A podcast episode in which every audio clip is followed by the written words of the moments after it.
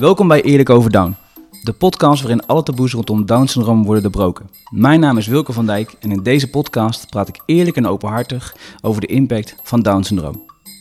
Ik, ik beschouw eh, de, de kids met Down ook wel eh, altijd als een soort eh, engeltjes zonder panzers.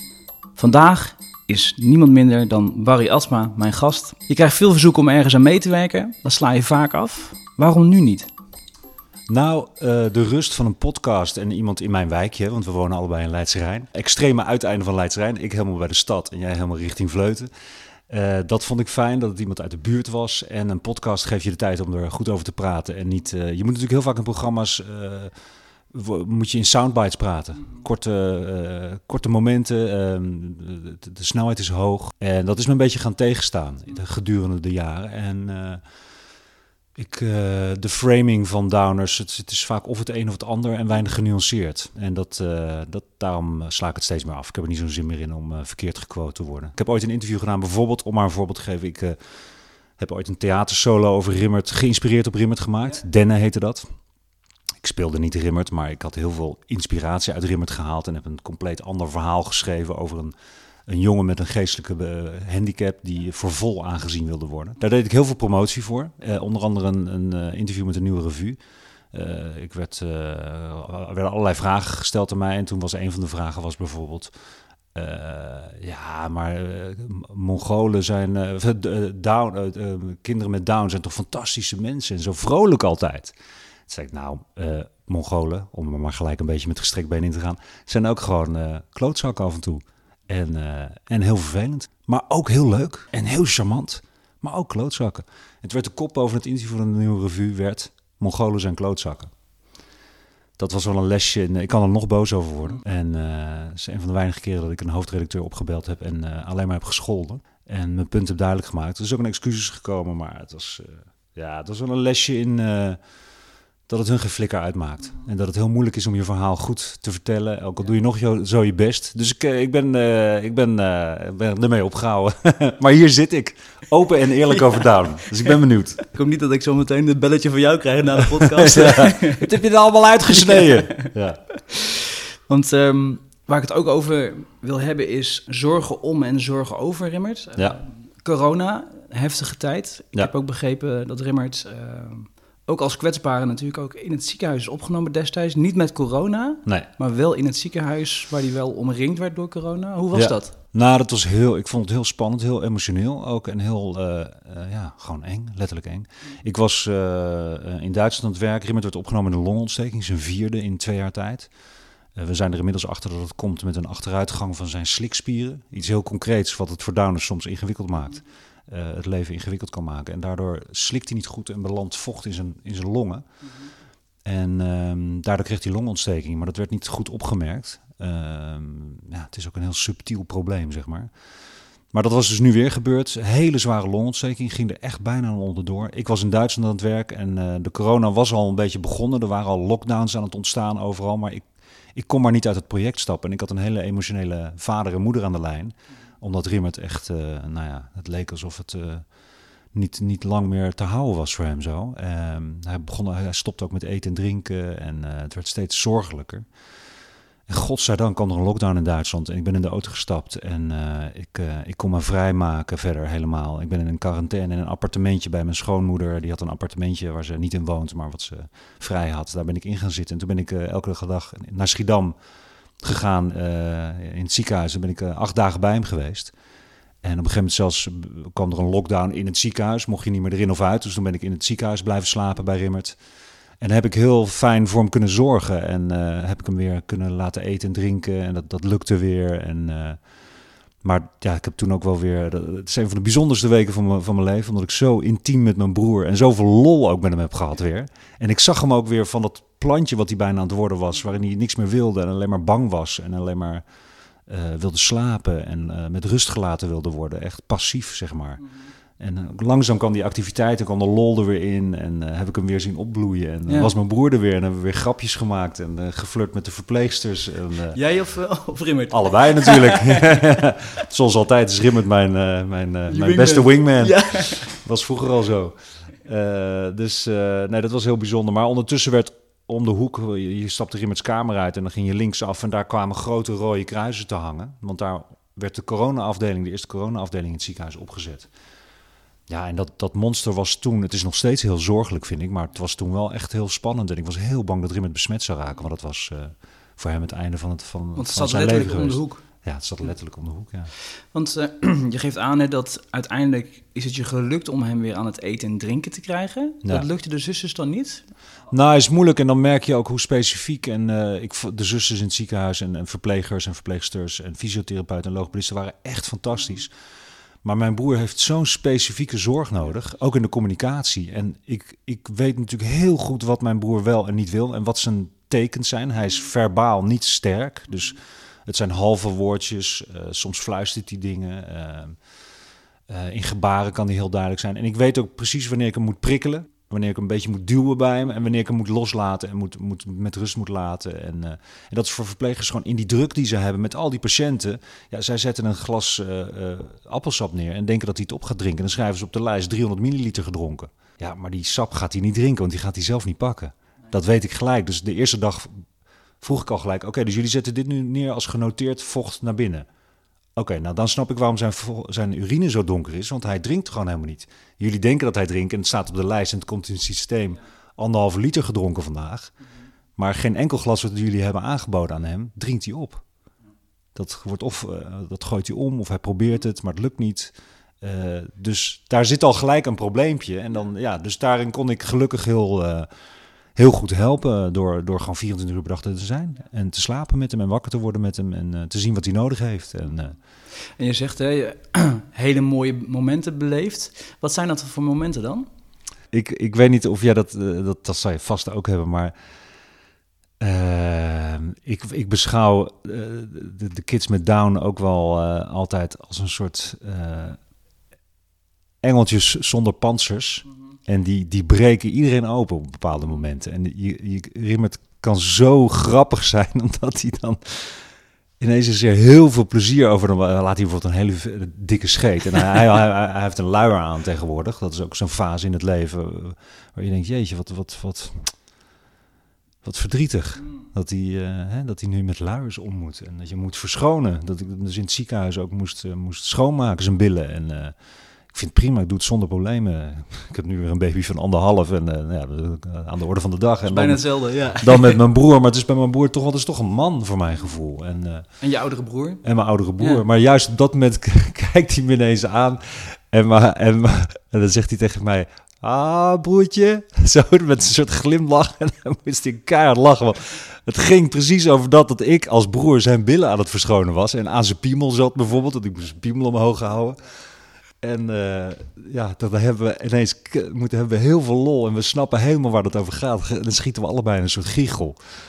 Ja, daar hebben we echt, eh, echt lol mee gehad. Maar ook met, met eh, de fysiotherapeuten was heel knap en heel leuk. En dat, dat voelde Rimmert natuurlijk ook gelijk. Moet ik dit eruit knippen? Nee, dat mag vrouw? gewoon in. Want het was echt de beste. Want naast dat ze heel leuk en knap was, ook nog de beste. Want ze heeft hem echt aan het, aan het lopen gekregen weer.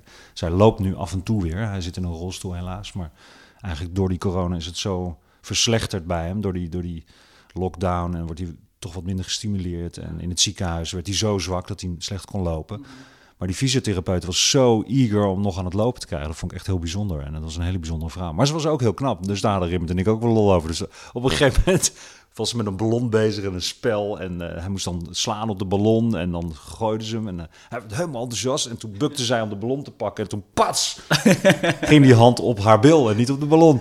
En, en Rimmert elkaar lachen en hem zo, haar zo aankijken. Wel lekker ondeugend. En heel ondeugend. En ook dat hij altijd maar weer zijn James Bond hoed. Hij heeft een hoed en dan, Ja. hij noemt dat James Bond. Eh, hoewel James Bond weinig een hoed op heeft, maar dat eh, maakt niet uit.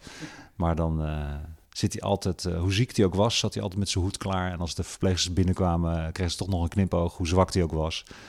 Ja, dat zijn momenten waar ik zo verliefd word op Rimmert. En die open communicatie, ik geloof dat ik dat wel echt van hem geleerd heb. Ik ben wat dat betreft een heel open mens geworden en heel erg, eh, ik, en, en dat vind ik een hele fijne kwaliteit, omdat je heel veel echt contact met mensen hebt. En dat eh, heb ik echt dankzij Rimmert. Ja. Zonder Rimmert had ik dat nooit gehad. Nee. Zonder Rimmert was ik nooit acteur geworden. En dan had ik zo'n leuk beroep gehad. En, eh, Oh, echt? ja, dat is echt door Rimmert. Ja, anders was ik advocaat geworden of iets anders. Ja, ja dat is, eh Rimmert is wat dat betreft echt van... En goed, ik druk op een knopje, kan eindeloos praten over Rimmert. Maar ik ben door Rimmert ook wel, ik vertelde net al even mijn solo, mijn theatersolo, Dennen. Ik was een jaartje of dertig. eh, ik zat bij, een- bij eh, een heel bijzonder theatergezelschap, ten, Toneelgroep Amsterdam, een van de betere gezelschappen in Nederland. Maar ik was niet helemaal lekker op mijn plek. Vond het moeilijk. Ik eh, wist niet, niet, niet zo goed waarom ik acteur was geworden eigenlijk. En toen besloot ik, ik ga een solo schrijven. Maar dan moet het iets persoonlijks zijn, want ik, wil, ik, wil, ik moet iets uitzoeken. En ik moet het even helemaal alleen doen, zonder mensen erbij. En toen bedacht ik ineens, oh, ik moet iets over Rimmert schrijven. Oh, toen ben ik aan het, zwembad gaan zitten ergens. Ik was op vakantie. Toen heb ik in twee weken tijd een solo geschreven.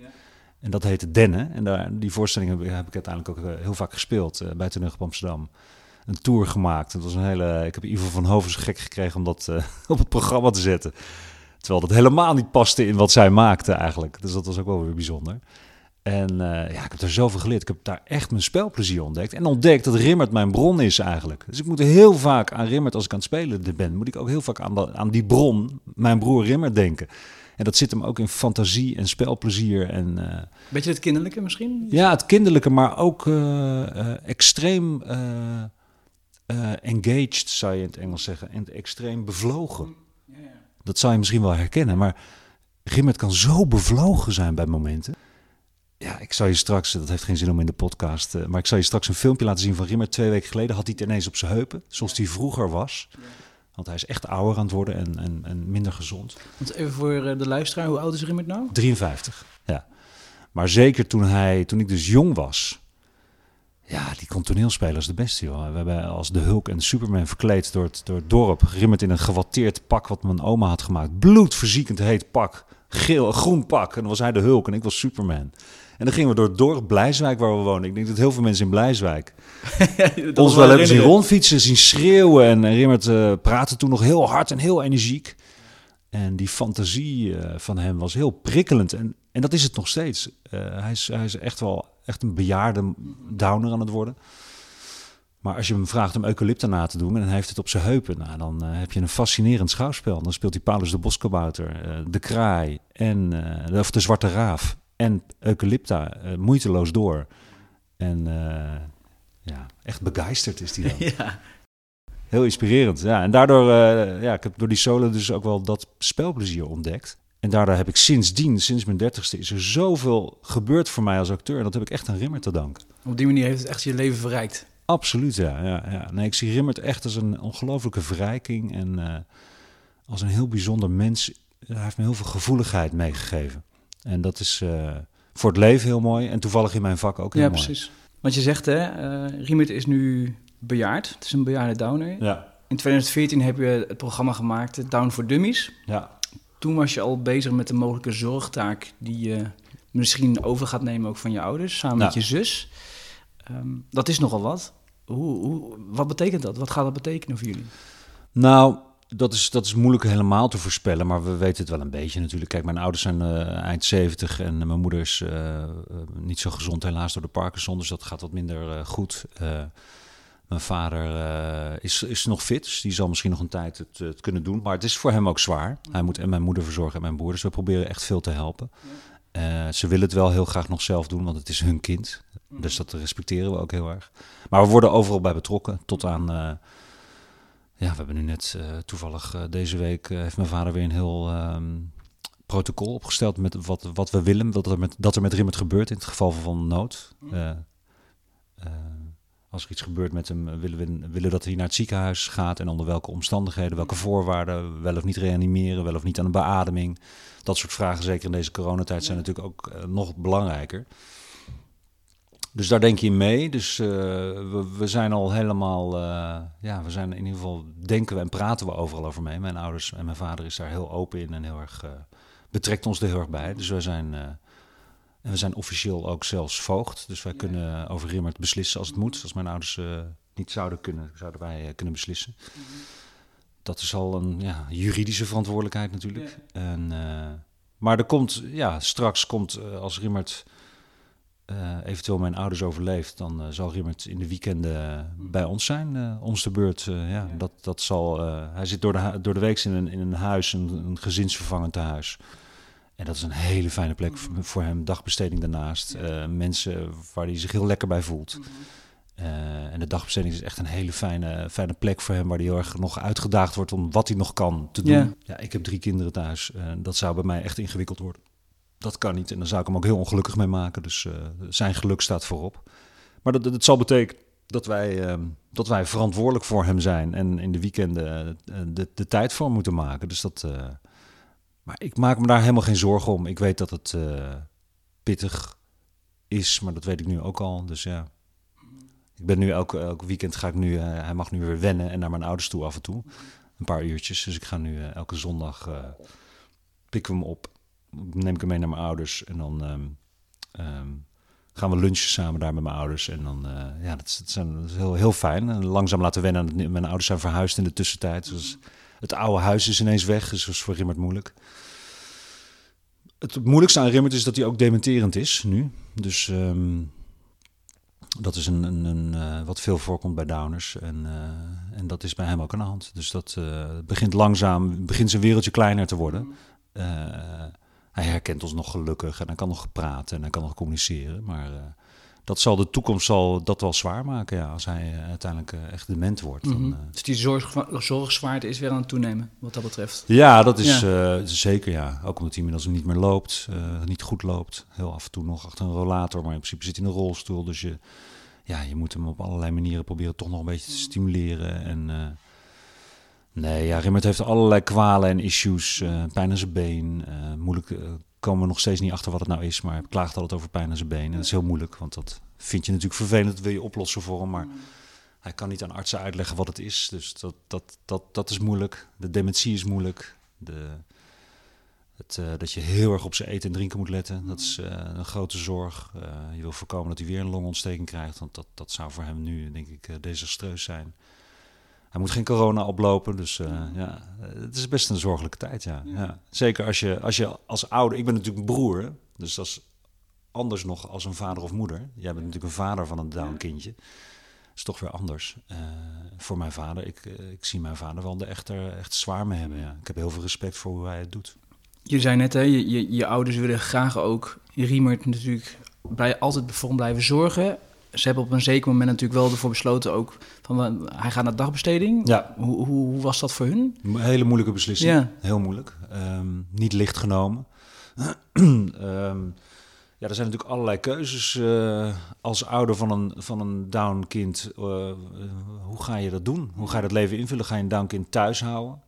Is het down kindje eh, goed genoeg om naar de lagere school te laten gaan? Dat gebeurt natuurlijk ook regelmatig, wat, wat alleen maar te prijs is als het lukt. Ehm, maar soms moet je accepteren dat je kind misschien toch echt niet de, ja, de, de, de, de, de tools in handen heeft om in een gewone omgeving lekker te kunnen functioneren. Eh, mijn broer is toch echt twee, drie jaar oud in zijn hoofd. eh, communiceert matig, is heel specifiek in zijn communicatie, eh, is fysiek goed altijd geweest, maar heel energiek, was heel energiek en heel ongeremd. Heel erg, ja, eh, hij trok mij uit de wieg. Eh, het werd soms echt een beetje gevaarlijk.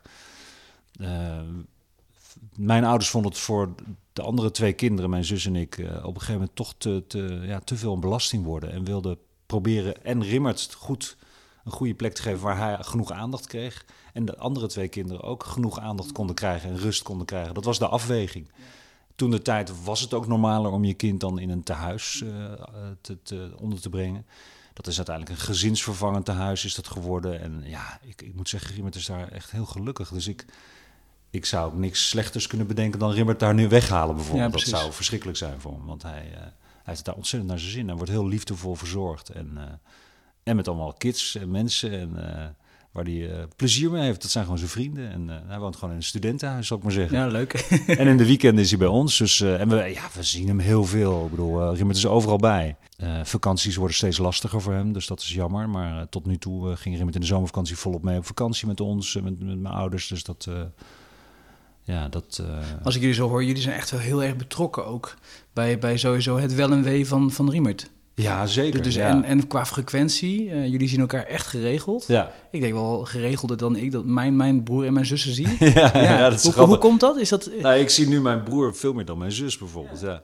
Ik heb wel heel veel contact met mijn zus en we bellen heel vaak. En we hebben het veel over Rimmert. Ja. En we hebben het veel over mijn ouders. Mijn zus en ik zijn heel bewust proberen onze ouders eh, uit de wind te houden als het moet. En dingen over te nemen, gesprekken met artsen over te nemen. En, eh, Maar hij is wel een beetje het smeermiddel nee, van oh, het zeker. gezin. En het is hier eigenlijk altijd geweest. Ja.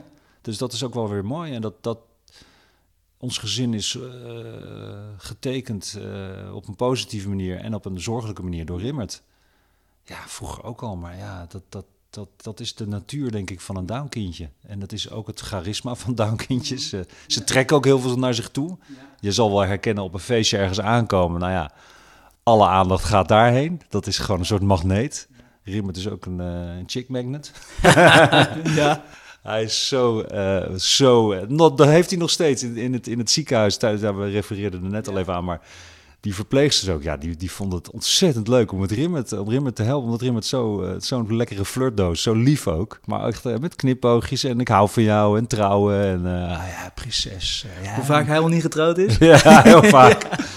En ik had altijd natuurlijk, ik heb Rimmert echt misbruikt daarin. Ja. Dat ik toen ik 12, 13 was en verlegen, hè, met, met die eerste stapjes op het, het, het vrouwenpad. En dan eh, had ik een hele goede Rimmert naast me hebben, want die, die brak alles open. Hockeyfeestjes begon hij met eh, dansen, zodat de vloer eh, gelijk losging. Feestjes bij ons thuis, Rimmert bracht het wel, zwengelde het feest aan. En zijn energie en zijn openheid en zijn charisma daarin zijn, zijn echt... ja, en dat zie ik bij veel downers. Eh, Ik ken natuurlijk een heleboel en ik heb ze ook veel gezien. En er komen altijd mensen op me af met, met kinderen die... Op een manier trek je het dan ook weer aan, Ja. omdat, omdat je bekender bent. En, maar dan zie ik altijd weer, ja, je herkent dat, dat, dat down-charisma. Dat is iets bijzonders. En dat, Nou, het- ik vind het wel leuk om te horen, want een van de redenen is natuurlijk eh, om, om jou uit te nodigen voor deze podcast. Zeker ook omdat jij een oudere broer hebt. Nou, dat is vergelijkbaar met mijn situatie op dit moment. Dex, de jongste, die is nu eh 15 maanden eh, en zijn broer is vijf jaar ouder met Ja. Down-syndroom. Ja. Wat staat hem te wachten? Want ik hoor je wel zeggen, hockeyfeestjes, eh chick magnet. eh, maar dat, dat zijn ook wel hele leuke, positieve dingen. Eh, op welke manier heb jij er misschien ook onder geleden? Ja, dat, dat vraagt mijn moeder ook vaak aan mij. En dat noemt, noemt ze vaak, maar dat, dat gevoel heb ik niet. Ik heb een heel, eh, in die zin vind ik nu zorgelijker. En vind ik nu eh, een uitdaging of een zorgelijke uitdaging die ik prima aan kan. En die ik ook heel graag op me neem, samen met mijn zus. De zorg voor Rimmert nu. Maar eh, ik heb het als kind als heel positief ervaren. En als, ja, ik heb zoveel gelachen met hem ook. En, en zo, die energie is ook heerlijk. Ik heb me nooit geschaamd voor hem. Nooit. Echt nooit. Hij is wel een paar keer natuurlijk te grazen genomen door kinderen uit de buurt die vervelend tegen hem deden. Maar hij was ook heel sterk, dus ze waren ook wel bang voor hem. Dat ongeremde was ook wel, eh, eh, hij sloeg gewoon. En eh, dat vond ik ook wel stiekem wel stoer. Ik heb hem ook wel een paar keer meegesleurd even en, en aangewezen wie die moest pakken. Ja, ja. Omdat ik dan gepest werd. heb ik hem ook wel misbruikt. Maar weet, weet, weet jij ook wel eens gepest om het feit dat hij down heeft? Of dat kun je Ik niet heb het of geblokt, ik kan het misschien niet herinneren. Ik heb het altijd een, dat klinkt heel stom, maar dat is misschien mijn acteursgen. Ik heb de aandacht die erbij hoorde altijd heel prettig gevonden. Kijk mij een bijzondere broer hebben. ik heb hem ook vaak meegenomen naar de klas en dan was ik heel trots van kijk even naar mijn broer, want die is echt, dat is echt even andere koek. Dat vond ik altijd interessant of zo. Ja, dat klinkt heel stom, maar zo was het gewoon. Ja, ik vond het altijd heel leuk met mijn, mijn broer. Plus dat mijn broer eh, echt lekker kon dansen en lekker en drumde. En eh, ja, fysiek, eh, ja, eh, had echt uitstraling. En, nee, dus ik heb het eigenlijk altijd wel als... en ik vond het ook nooit erg dat mijn moeder en mijn vader dan altijd zeiden... Let je op Rimmert. Als, je dan, als ik dan ging spelen, dan nam ik Rimmert mee. En, ja, dat heb ik nooit een probleem gevonden of zo. Maar dat, ik ken ook andere verhalen hoor. Dus ik bedoel, dat is mijn verhaal. Ik heb het in die zin altijd als heel positief en prikkelend ervaren. En ik heb heel veel onverwachte leuke dingen meegemaakt met hem. Zoals? nou ja, op hockeyfeestje dat, dat Rimmert eh, zo het op zijn heupen kreeg dat hij ging strippen. En dat ik hem moest, moest zien te stoppen. Toen was ik, ja, ik weet niet wat ik wat toen was. Nou ja, dan gaat hij zijn shirt uittrekken. Dat heeft hij ook een keer in Egypte gedaan toen we op vakantie waren. In een islamitisch land. Nou, dat was echt een beetje zo, oh nee, Rimmert, dat, hou dat shirt aan. Dan Rimmert had een soort onbedwingbare drang. Als hij het op zijn heupen kreeg, om dan zijn shirt uit en dan... En dan ja, dat, dat, dat oerdriftige. Ja, dat soort, dat soort he- hilarische momenten. Dat is een heel hockeyfeest. Echt zo, zo te kijken. Ja. Eh, ja, wat nog meer met Rimmert. Ja, ja, door het dorp heen. Verkleed als de Hulk, het Superman met zijn mooie herinneringen. En het dansen, Rimmert dansen en alle vrouwen uitnodigen op de dansvloer. Eerst de een en dan de ander. En, En jij erbij. en ik Ja. erbij een beetje proberen mee te doen, verlegen. Maar nee, maar dat, het, het- dat, dat lijkt net alsof het alleen maar een versierde en een womanizer. Dat, maar het losbreken, Het die energie, ja, die lo- en ook Ja. heel erg gefocust op lol hebben. Ja, daar heb ik wel echt van hem geleerd. Ik probeer op de set heb ik ook echt heel veel lol. En dat komt ook echt door Rimmert. Ik probeer gewoon ook het leuk te maken met z'n allen. Kom op jongens, eh, het is allemaal wel heel serieus wat we doen. Dus, dus het relativeert ook wel. Het eh, relativeert ja. ook wel, ja. Dus dat heb ik als kind, eh, in die zin jouw zoon Dex heet hij. Ja, ik denk dat hij, eh, zeker met een vader zoals jij, die er heel open en ook, ook niet dingen wegduwt, de moeilijke onderwerpen niet uit de weg gaat. Ja, dan, dan vermoed ik dat hij een hele leuke tijd gaat hebben met die boer. En heel trots gaat zijn op hem. En heel veel plezier met hem gaat hebben. Precies. En eh, ja, het is toch ook iets heel. eh, het is iets wat, wat een, een- cadeau wat je krijgt ook ergens. Een, een cadeau met, eh, met, met, met stekels. Een cadeau met heel veel pijnlijke snijkantjes. Ja. Maar ook wel een heel mooi cadeau. Jij benoemt het inderdaad als een cadeau met, met, met stekels. Je ziet nu ook wel echt wel gebeuren, bijvoorbeeld in, in, in landen zoals Denemarken, waar nou, er bijna geen downers meer geboren worden. Door de Worden gewoon-. Ja, worden gewoon systematisch eruit gehaald. Hoe, hoe, kijk je daar tegenaan?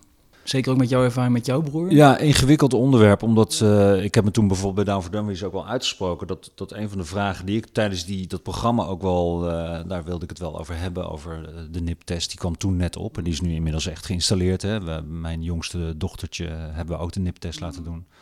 Eh, die, ja, ik, ik zelf, voor mijzelf... Maar dat is in iedere situatie natuurlijk... Ja, is een ingewikkeld onderwerp. Ik, eh, ten eerste, in het algemeen zou ik het heel jammer vinden hè, als, we, als we zo omgaan met onze zwakheden in de maatschappij. Zwakheden tussen haakjes. Hè? Eh, beperkingen of eh, mensen die net anders zijn. Dat dat altijd maar dat, dat het op weg gaan naar een soort perfectie.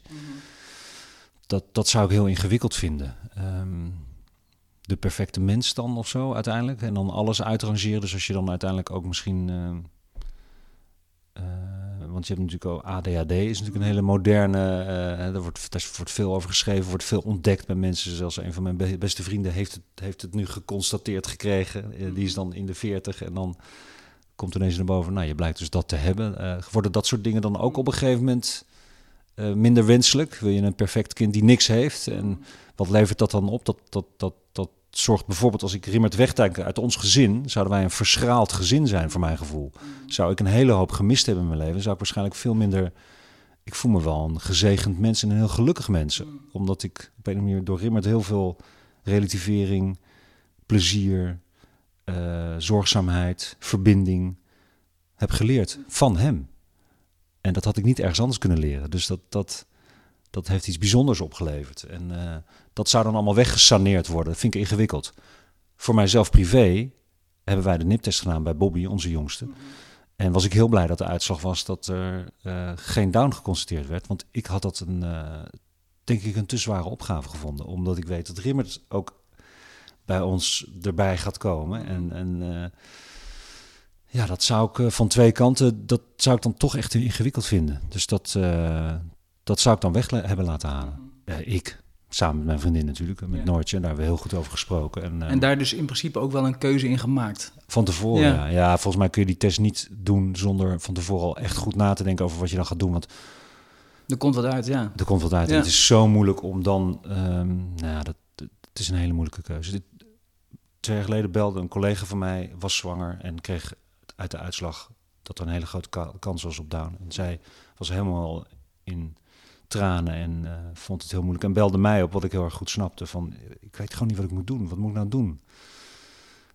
we kunnen het weg laten halen. En, eh, en, maar ik heb het gevoel dat ik het niet aan kan om. om eh, dat was een heel indringend gesprek. Daar heb ik mijn moeder uiteindelijk bij betrokken. En ehm, ja, mijn moeder zei: Je moet je niet schamen om, om, om te zeggen dat je het niet aan kan. Dat is, dat is helemaal oké.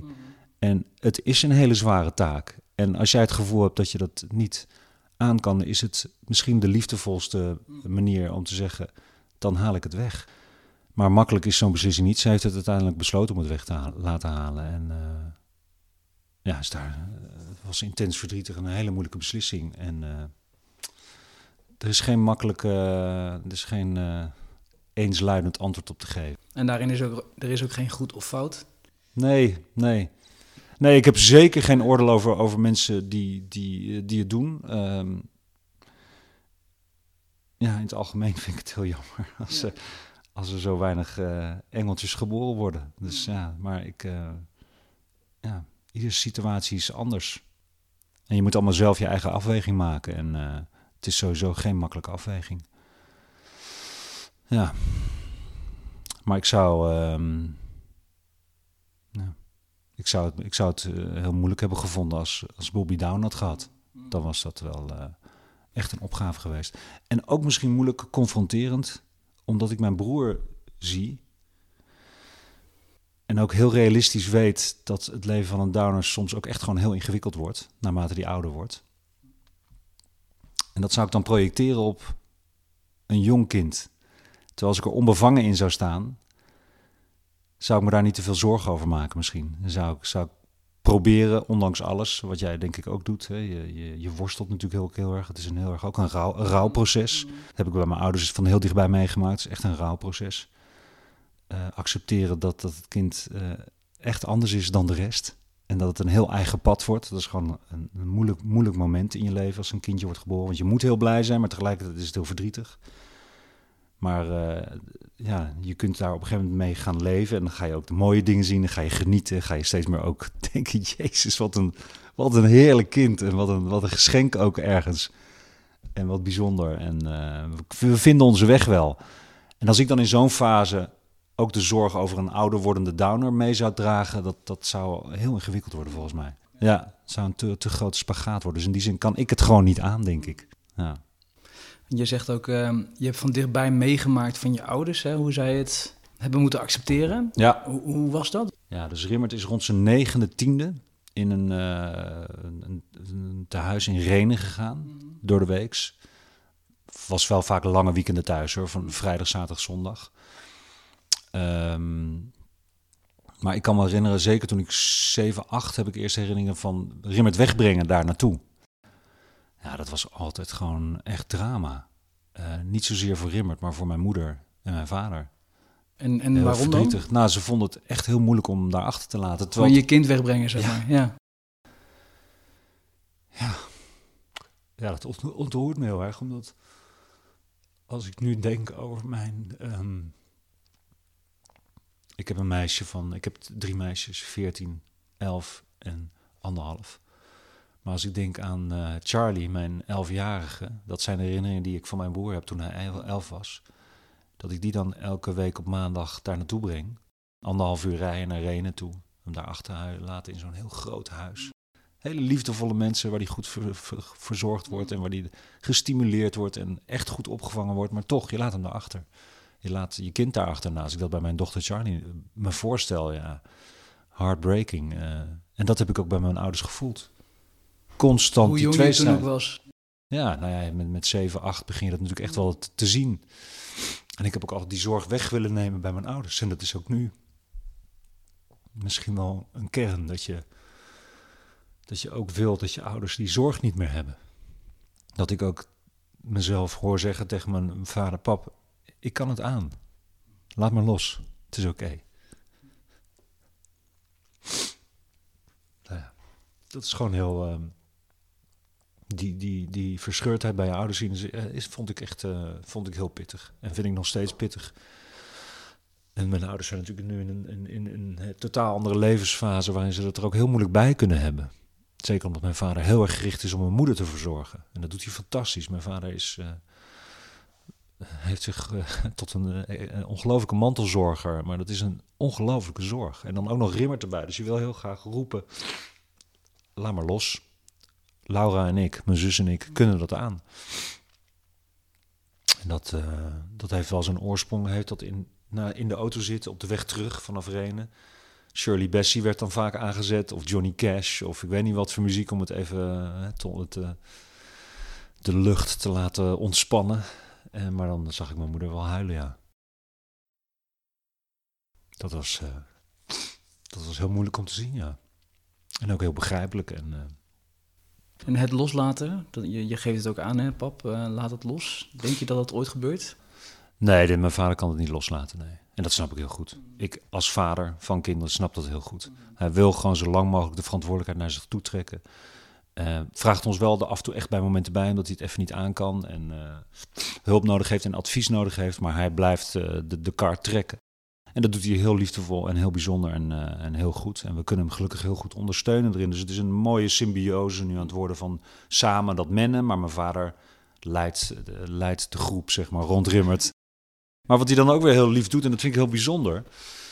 Rimmert heeft natuurlijk heel veel levens aangeraakt om ons heen vrienden, familie. Die zijn allemaal dol op Rimmert. Die kennen hem uit die periode dat hij nog vol energie was. En uh, zoals jouw zoon ook uh, nu uh, opgroeit met allemaal... je hebt af en toe ook hulp nodig, neem ik aan. En moet ook even iemand inschakelen, een dag of een middag. Of, en dan moet je iemand hebben die hem kent, die snapt hoe het werkt.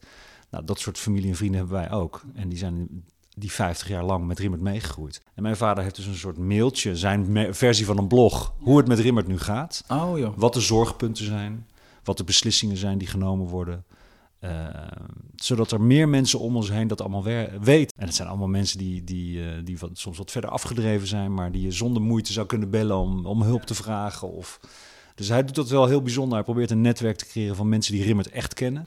Volgens mij in zijn gedachten, voor het geval dat er iets met mij en mijn zus gebeurt, ja, ja, en hem precies. gebeurt en mijn moeder gebeurt, ja. zijn er andere mensen op de hoogte die in die mails terug kunnen lezen, dit en dit is belangrijk. Ja, zo zorgelijk is mijn vader dus met Rimmert. Maar goed, ik denk dat wat dat betreft is het de kunst. En dat mijn vader is uh, ongelooflijk lief, maar het, het, combineert niet helemaal lekker. Dat hij zo extreem zorgelijk is met Rimmert en met mijn moeder. Heel erg regie wil houden en lastig, lastig loslaten. En ik denk dat de kunst van, uh, van met een downkind leven en zijn is ook de golf durven surfen. En, en, en, het, en het, ja, je kunt niet alles regisseren. Het leven heeft je een onverwacht onverwachte reis aangeboden. En die reis moet je gewoon maar pakken. En je kunt het niet altijd terugduwen in de normale busjesreis uh, nee. langs een safaripark uh, met geordende tijden van 10 tot 12.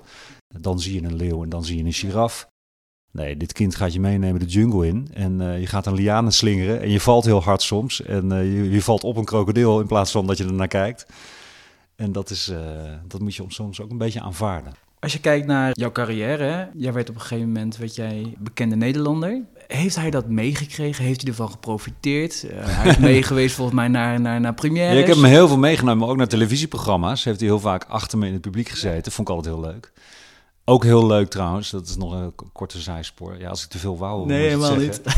maar uh, dan leer je ook je collega BN'ers heel goed kennen. Hoe reageren ze op Rimmert? En er zijn er toch, dan moet ik er even twee noemen. Dat is heel grappig.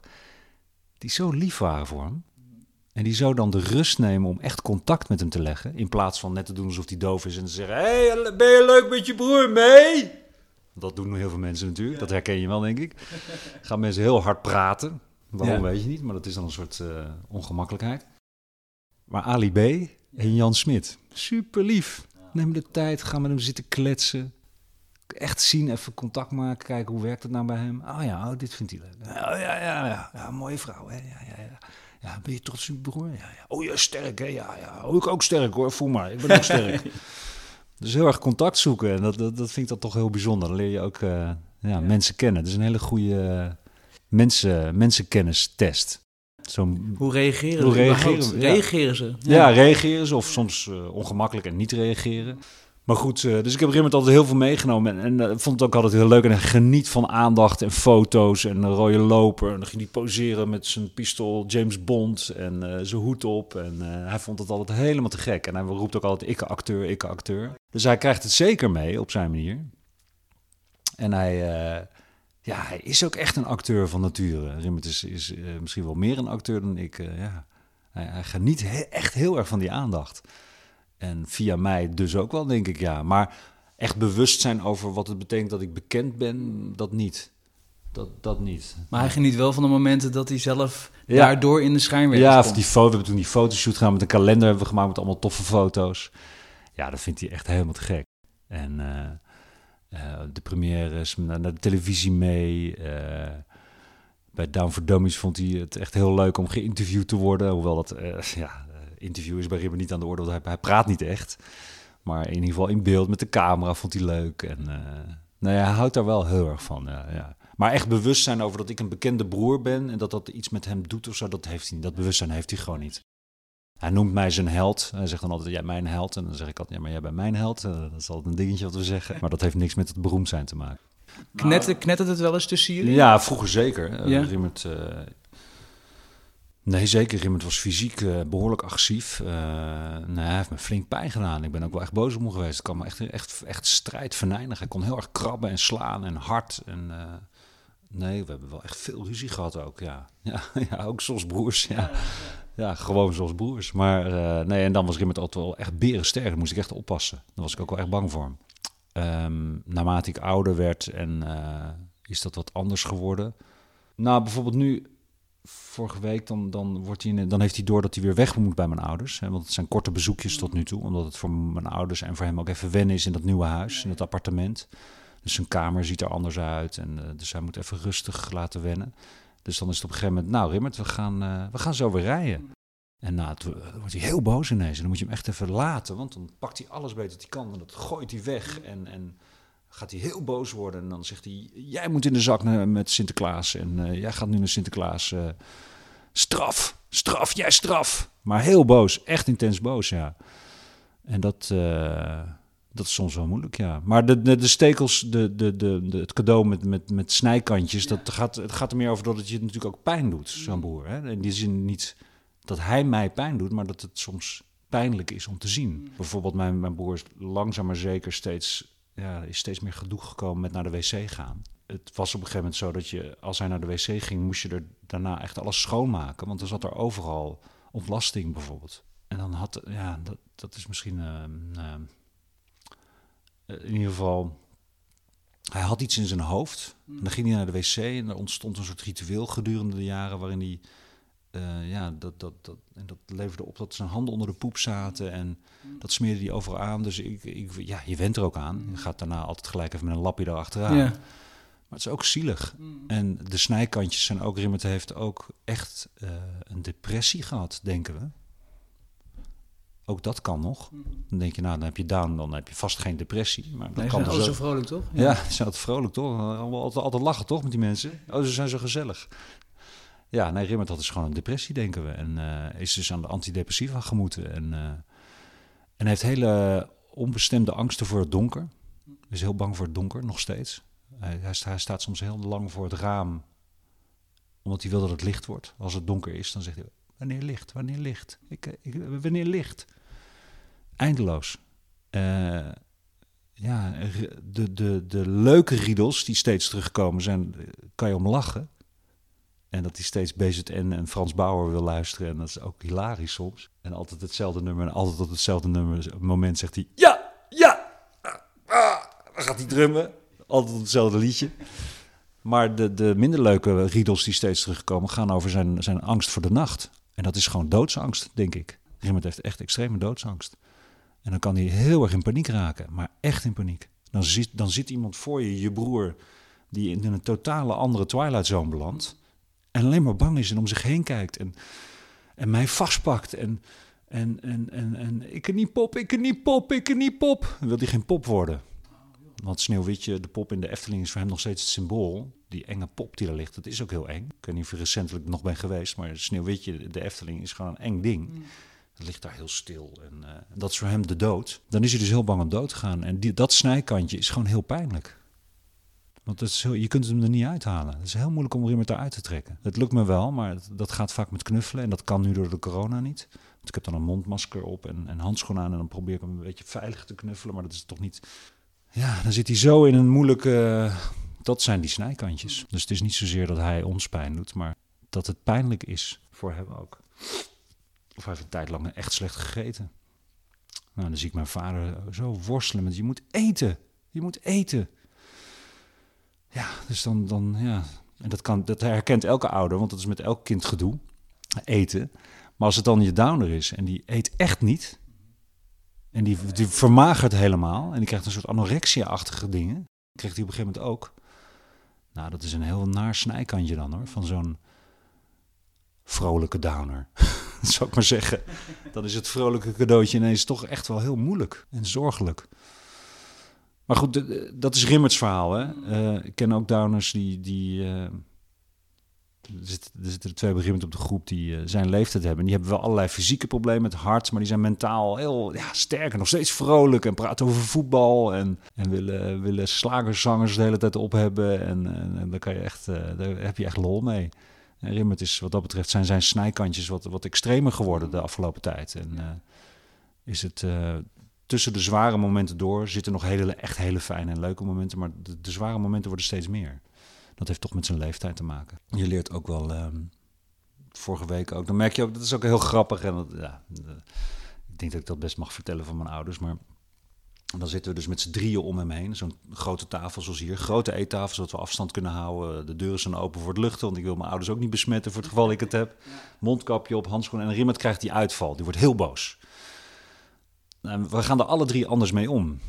Dus mijn moeder, die, ook omdat ze een beetje bevroren is door de Parkinson, zit aan de overkant en die kijkt naar me en ik zie de tranen in de ogen komen en de onmacht over, goshie, mijn, mijn zoon. Ik, krijg ik, kan, ik kan niks voor hem doen. Hij is zo boos en ik snap het, maar ik kan als moeder hem niet geruststellen, want hij moet weer terug en het zal toch moeten. En het is een verdriet wat voor haar ge- gekoppeld is aan 50 jaar lang voor haar zoon zorgen. En mijn vader die, die staat op en die gaat eh, in de keuken wat opruimen en, en afwassen en eh, probeert eh, pragmatisch te blijven. Voor hem de oplossing op dat moment. En ik denk alleen maar, ja, Riemert moet gewoon even zich kunnen uiten. Dus dat was letterlijk het moment dat ik dacht, ja, ik moet hem eigenlijk niet knuffelen vanwege die corona. Maar goed, ik doe dat mondka- mondkapje even goed strak. Die handschoenen heb ik aan, oké. En dan adem ik gewoon helemaal de andere kant op. En dan heb ik hem echt even laten knuffelen. En heeft hij mij ook heel erg beetgepakt. En kwam er allemaal frustratie uit. Wat ik denk dat die frustratie ook gaat over de coronatijd, waar hij zo weinig geknuffeld kon worden. We hebben echt letterlijk twee maanden lang, drie maanden lang niet mogen benaderen. Altijd afstand op het terras gehouden van drie meter met een hek ertussen. Praten en zwaaien. Wat super lastig is voor hem sowieso om te begrijpen. Ja, hij, snapte het niet. Nee. En hij is fysiek heel erg Ja. eh, slim. Daar haalt hij zijn, ja, dat huid-op-huid contact, wat ook bewezen is, wezenlijk belangrijk is. En, en kusjes geven en, en hem over zijn bol aaien. Dus dat heb ik toen even gedaan vorige week. En heb ik het even helemaal, heb ik hem helemaal laten gaan en eh, geprobeerd te, te, te, te laten voelen aan hem. Kom maar, laat het er maar uitkomen, dat is goed voor je. Ja. Huil maar even, schreeuw maar even, knijp me maar, zei ik. Knijp me maar. Dan ging hij me ook heel hard knijpen. En boos. En dan daarna zei hij, poertje, poertje. En verzachtte het weer. En toen was het weer oké. Maar dan zie je ook alle drie dat je er anders mee omgaat. ja, ja, eens. En dat dat... ehm, nou ja, en elk, zo heeft elk, elk gezin met een down kindje...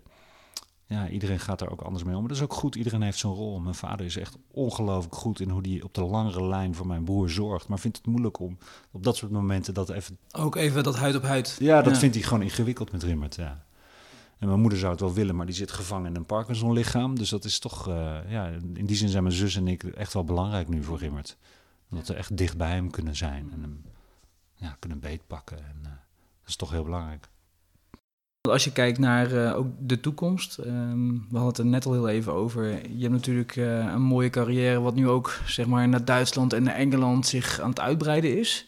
De zorg wordt steeds zwaarder, ook naar Riemer toe. Hoe zie je dat voor je?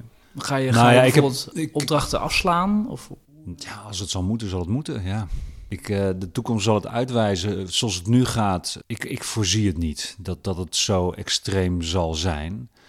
Eh, mijn zus en ik zijn er allebei, dus dat, dat, dat, eh, dat is een hoop. eh, hè. Je kunt het samen dragen. Dus bij, bij bepaalde momenten zal mijn zus wat meer moeten doen. Maar mijn zus heeft een eigen bedrijf. Die heeft een architectenbureau met een heleboel werknemers. En dat is hard werken, dus die zal af en toe ook te druk zijn. En dan zal ik het even over moeten nemen. Ik ben natuurlijk ook soms ineens drie, vier maanden vrij... en kan volop een rimmer erbij hebben als het, nodig, als het nodig zal zijn. Maar voorlopig zijn mijn ouders er nog. En zullen zij toch ook gewoon veel, veel willen doen. Dat is belangrijk. Ze willen dat heel graag.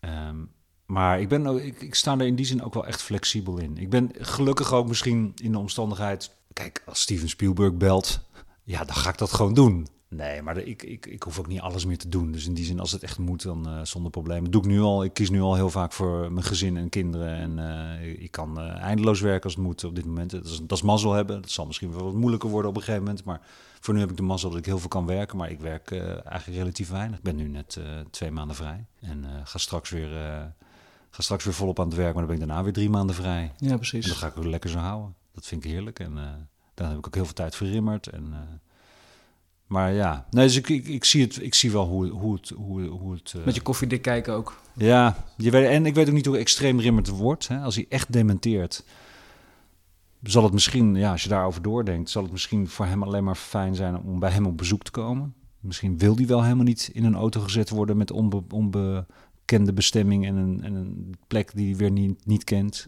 Um, hij was vorig jaar, was het eerste, voor mij een eerste teken dat ik dacht, oh ja, jeetje.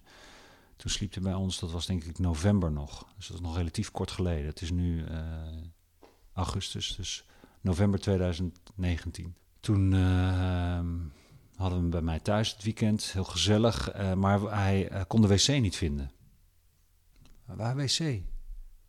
Was hij dus, ja, wist niet meer waar de wc was bij ons. En toen s'avonds, nou, we gaan slapen en hij wilde vroeg naar bed. Hij, was, hij wilde dan ook dat iedereen naar bed gaat. Dan dwingt hij iedereen naar bed te gaan. Dat is heel grappig. Samen, nou oké, gaan we. Om negen uur naar bed, prima, let's do it. En uh, toen hebben Noortje en ik hem echt met z'n tweeën de trap op moeten duwen. Want hij, wilde, hij durfde de trap niet op. Hij vond het te eng ineens. Hij vond mijn trap eng. Nou, dat was wel een soort een eye-opener van, oh ja, het kan zomaar zijn dat het echt verandert. Ik heb het altijd ervaren als dat hij het ook altijd heel fijn vond om bij mij te zijn. Maar misschien doe ik vooral mezelf er een plezier mee. En dring ik hem iets op wat helemaal niet fijn is voor hem. Misschien moet ik accepteren en loslaten het beeld. Wat fijn dat ik Rimmert uh, het cadeau kan doen dat hij bij mij thuis is in het weekend. Nou, misschien is het helemaal niet zo. Misschien ben ik vooral mijn eigen geweten aan het sussen. Yeah. En vind ik het heel gezellig. Maar is het voor hem heel vervelend? Ja, toen kwam die hele corona shit eroverheen. Dus toen veranderde alles weer. En nu is het sowieso anders. Maar het, blijft heel belangrijk om in te tunen op wat wil Rimmert? Wat wil hij? Want hij is heel duidelijk als het moet. En zoals nu naar mijn ouders heb ik het gevoel dat hij dat heel fijn vindt. Maar hij vindt het ook belangrijk om zijn dutje te kunnen doen. Uh, en dan zegt hij, ik kan slapen, ik kan slapen. Toen zei ik tegen mijn vader, ja, het is wel lastig, want dit is eigenlijk zijn dutjestijd hè, in, in Schiedam, waar hij uh, door de week is. Rond één uur gaat hij altijd een dutjestijd doen. Toen zei mijn vader, ja, ja dat is ingewikkeld. Ja, ja. Ja, maar we willen, ja, dan slaapt hij nu. Uh, nou, we proberen het wel even te rekken tot hij. Uh, ja, dat is dan ook iets waarvan je dan denkt, ja, eigenlijk moeten we het gewoon doen wat hij wil. Past soms niet in wat wij willen, maar dat moeten we toch proberen. Dus ja, de toekomst, uh, Rimmert zal de leidraad zijn. Wat hij nodig heeft en wat hij wil, zal gebeuren. Linksom of rechtsom. En als dat betekent dat ik een keer een project moet afslaan, dan, ja, dan, dan doe ik dat. Ja, dat denk ik wel, ja. Als dat moet. Ik hoorde je net ook zeggen, um, je vrouw, Noortje, ja. is je vrouw? Of, uh, vriendin, we zijn nog niet getrouwd. Oh, oh, nou, misschien een mooi moment. ja, dankjewel voor de, voor de tip.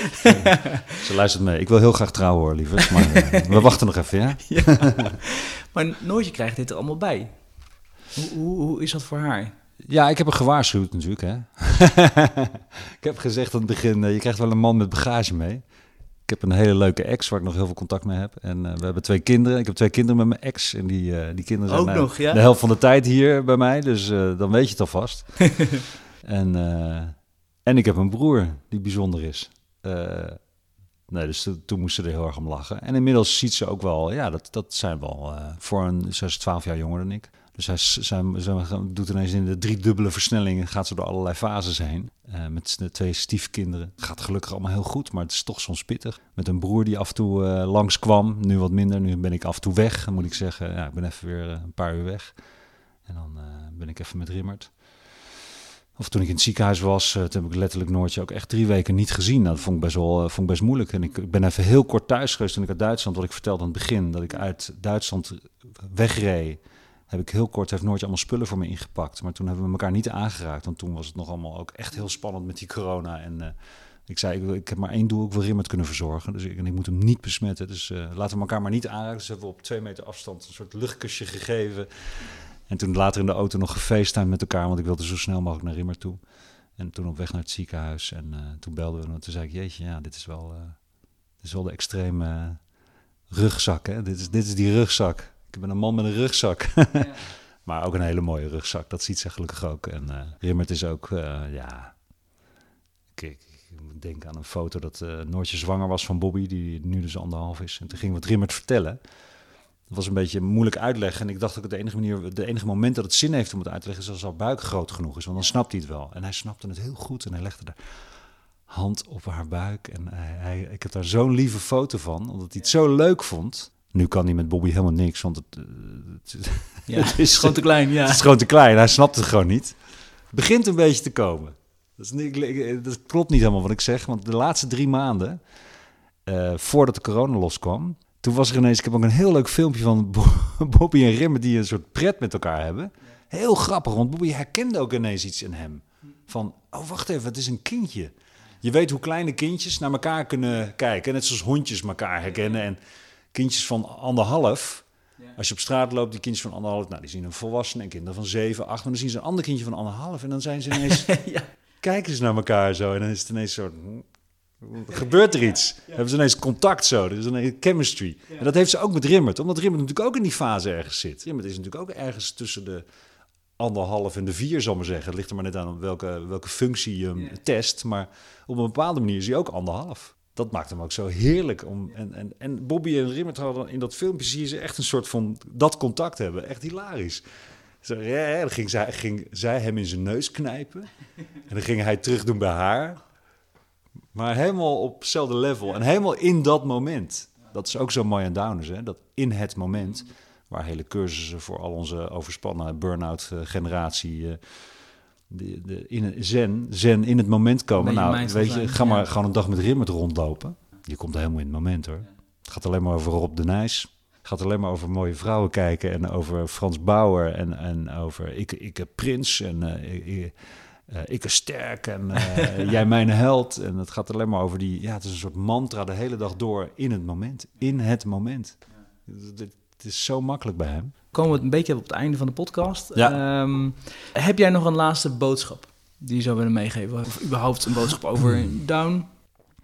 Nou, wat ik soms moeilijk vind, um, en dat snap ik heel goed.